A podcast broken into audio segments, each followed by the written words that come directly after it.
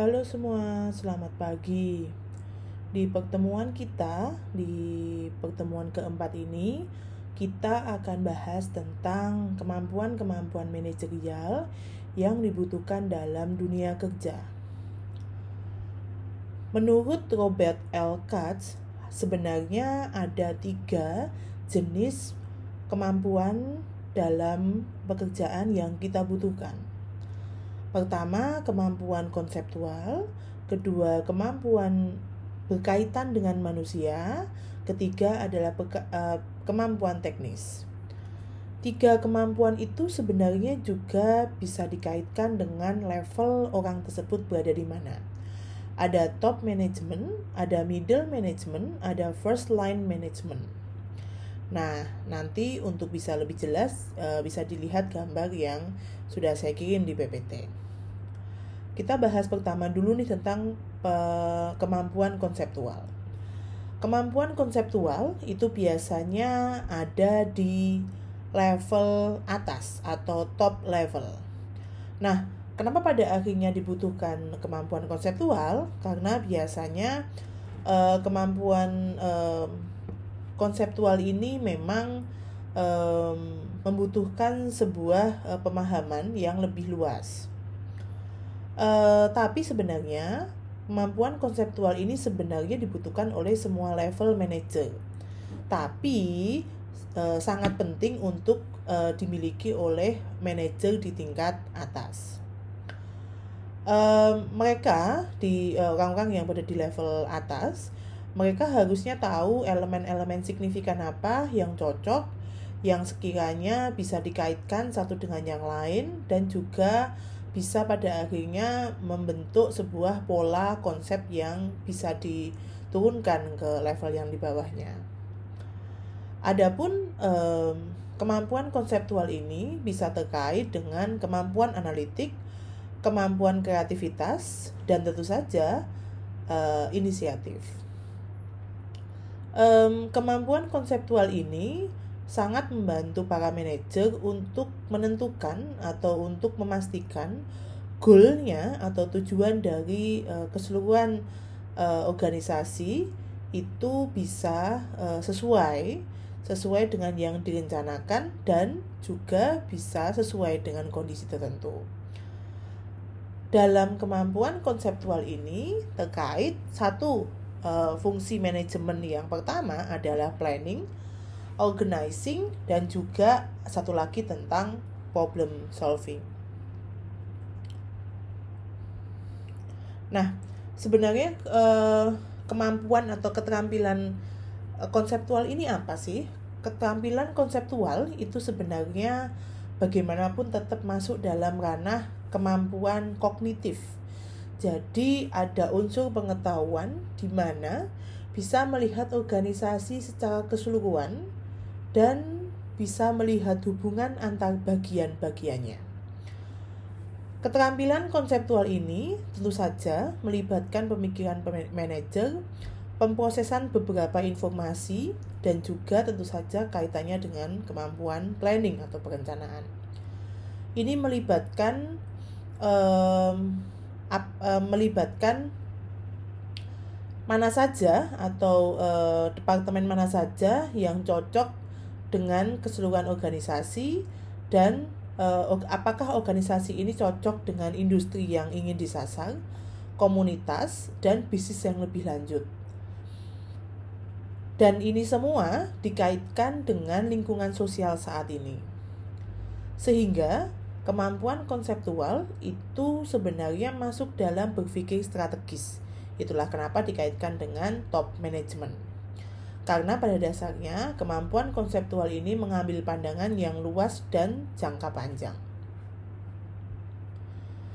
Kedua, kalau tadi eh, teman-teman lihat di bagian yang ke atas tentang manajemen skill by Robert L. Katz, ada hal yang menarik tentang uh, human skill atau keterampilan manusia.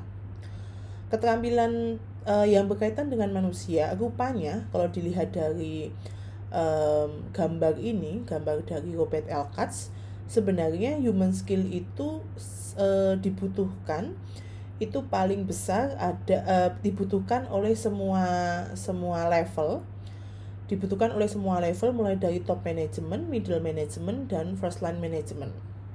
Kita nanti sama-sama bahas kenapa pada akhirnya uh, kalau tadi konseptual skill itu ada paling banyak dibutuhkan di level top management, tapi justru human skill ini dibutuhkan oleh semua level manajemen bahkan porsinya bahkan sama pentingnya. Seperti itu. Nah um, tapi sebenarnya uh, human skill ini relate-nya itu justru di middle level management di middle level management ini um, tentu saja kerjaan utamanya ada di um, ngurusin manusia lebih tepatnya kayak gini nah um, kalau di uh, kita bahasakan lebih mudah human skill itu adalah human relation skill yang kemudian dikaitkan dengan interpersonal skill.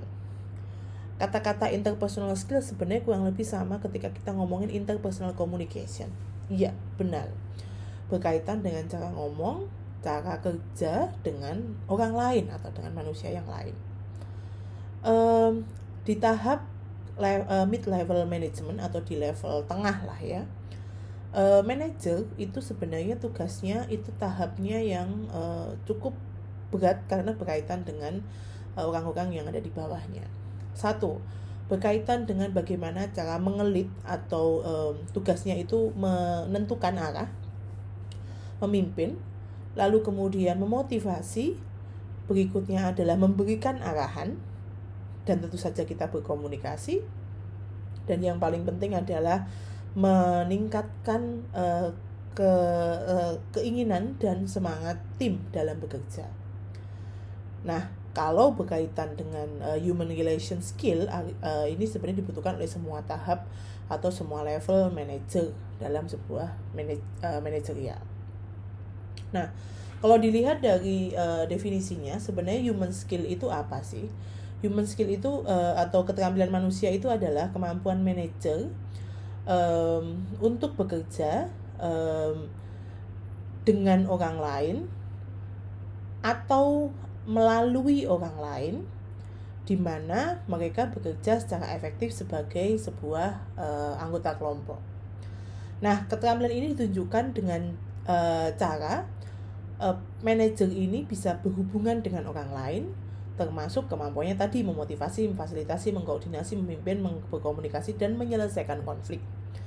Karena kita almost nggak mungkin nih kerja kalau tidak ada konfliknya.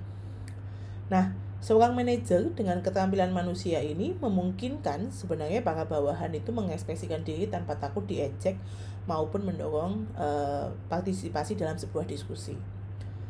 Jadi memang e, kalau dilihat dari kata yang terakhir ini, kalimat terakhir ini sebenarnya terkait dengan tahap develop team spirit atau men mengembangkan kemampuan dan semangat tim untuk lebih banyak berpartisipasi dalam dunia kerja. Nah, um, tapi saat ini di dalam uh, era globalisasi saat ini ternyata sebenarnya um, banyak hal yang berubah Contoh yang signifikan adalah tentang uh, kita memiliki cara kerja yang berbeda. Kita memiliki uh, lingkungan yang berbeda.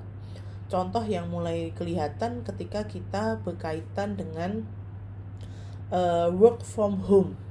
Ternyata tidak semua loh bisa tidak semua orang bisa work from home. Maksudnya apakah kemudian dia tidak memiliki semangat kerja? Tidak tapi work from home itu tiap orang punya kondisi yang masing-masing. Contoh, apakah di rumahnya memiliki tempat kerja atau ruang kerja yang cukup nyaman?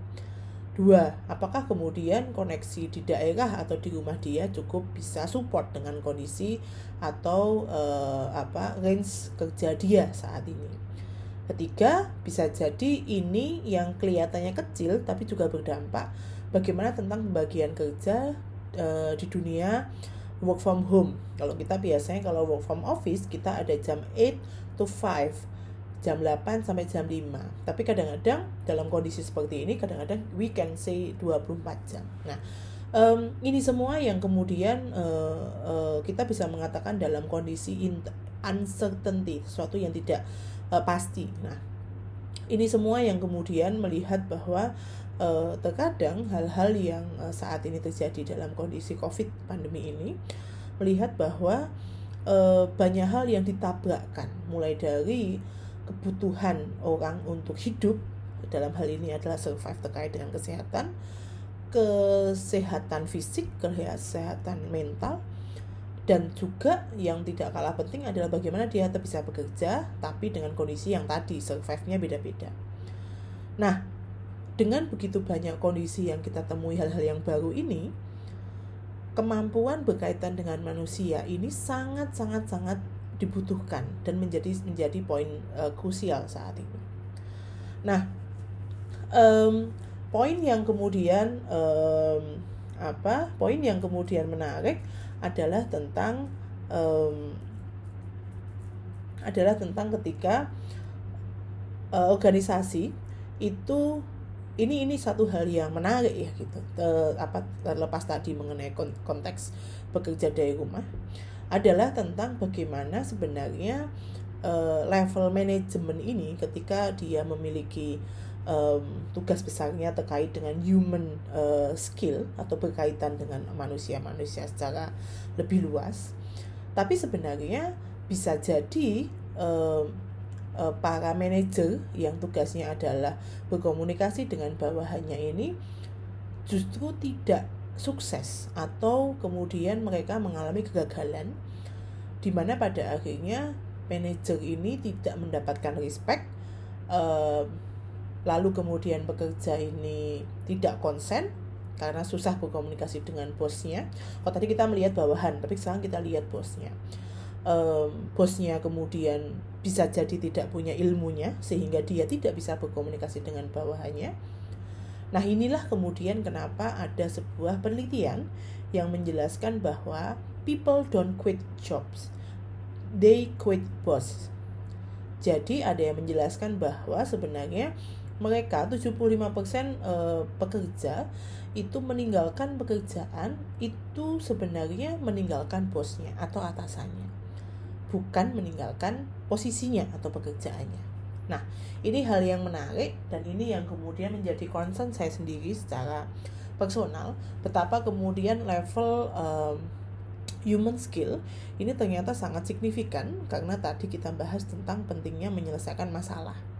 Contoh yang kemudian paling kelihatan adalah bagaimana what if um, apa namanya um, mengatasi kondisi work from home saat ini, tapi dia tidak bisa bekerja dari rumah. Nah, what will we do? Kita harus ngapa ngapain nih untuk kemudian bisa menyelesaikan pekerjaan uh, dari rumah. Nah, um, berikutnya kita bicara tentang skill yang ketiga. Kalau dilihat dari gambar, technical skill atau keterampilan teknis ini sebenarnya porsinya paling besar ada di first line management. First line management ini dapat dikatakan saya saya uh, sekilas bukan berarti apakah ini karyawan Bu enggak. Ini tetap level manager tapi level manager yang paling bawah. Nah, technical skill ini kemudian bisa dipahami sebagai um, kalau dilihat dari definisinya uh, pemah uh, bisa dilihat dari keterampilan di mana berfokus pada pemahaman keterampilan uh, kemahiran dalam melaksanakan tugas tertentu. Contoh yang kemudian uh, terlihat ketika um, contoh yang mudah ketika dia adalah manajer uh, IT. Nah, kemampuan-kemampuan IT itu harus sangat diasah atau dia harus tahu di level tersebut. Keterampilan teknis, contohnya tadi IT, mencakup penguasaan metode, teknik, peralatan yang terlibat dalam fungsi tersebut terkait dengan mungkin uh, uh, apa ya teknisnya gimana, manufaktur barangnya harus seperti apa dan butuh uang berapa terkait dengan keuangan karena yang tahu harga-harga produknya hanya dia. Nah, keterampilan teknis ini mencakup mulai dari pengetahuan khusus jadi terkait dengan uh, unit tersebut. Jadi dia harus tahu bahwa Apakah ada problem A, berarti bagaimana cara menyelesaikan kemampuan tersebut. Tapi dia juga dibutuhkan kemampuan analitis, termasuk kemudian penggunaan alat, teknik yang kompeten dalam menyelesaikan masalah terkait dengan kasus IT atau kasus dalam hal unit tersebut. Nah, um, Kalau kemudian seperti ini, keterampilan teknis ini sangat penting di tingkat organisasi yang lebih rendah. Banyak manajer dipromosikan ke, manaj eh, ke pekerjaan manajemen pertama atau yang first line management ini ketika melihat di, dari bawah atau ketika mereka bekerja di unit tersebut uh, mereka memiliki uh, apa hasil kerja yang sangat baik seperti itu. Tapi keterampilan teknis ini menjadi kurang penting daripada keterampilan manusia dan keterampilan konseptual ketika kemudian manajer naik uh, apa jabatan. Kalau seperti ini, lalu bagaimana? Ketika contoh kemudian Bapak Budi. Bapak Budi ini punya kemampuan IT atau kemampuan uh, dalam dunia uh, information uh, teknologi. Nah, dia itu kemudian uh, berada di level first line management. Apakah kemudian kalau first line management dia tidak bisa naik, dia ketika berada di level first line management untuk bisa naik ke level um, ke level yang di atasnya di level middle management atau di level tengahan dia harus menaikkan kemampuan bagaimana berhubungan dengan manusia karena middle management ini terkait dengan uh, paling besar tugas besarnya adalah ngurusin manusia atau uh, berhubungan dengan manusia.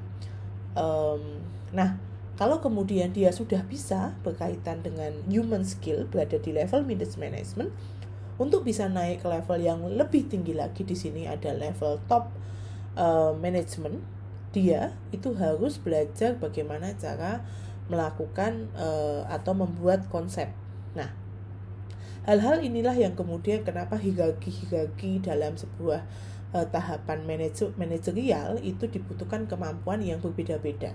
Seperti itu. Nah, uh, ada satu diskusi yang saya buka, hal yang kemudian kemungkinan teman-teman bisa uh, relate atau bisa dekat dengan teman-teman. Nah, satu hal yang menarik. Sebenarnya teman-teman itu kalau besok bekerja maunya dapat atau berhubungan itu dengan bos atau atasan yang seperti apa. Oke, silahkan menuliskan uh, komentarnya atau uh, diskusinya terkait dengan uh, poin yang saya lontarkan di hari ini. Oke, uh, sampai ketemu lagi.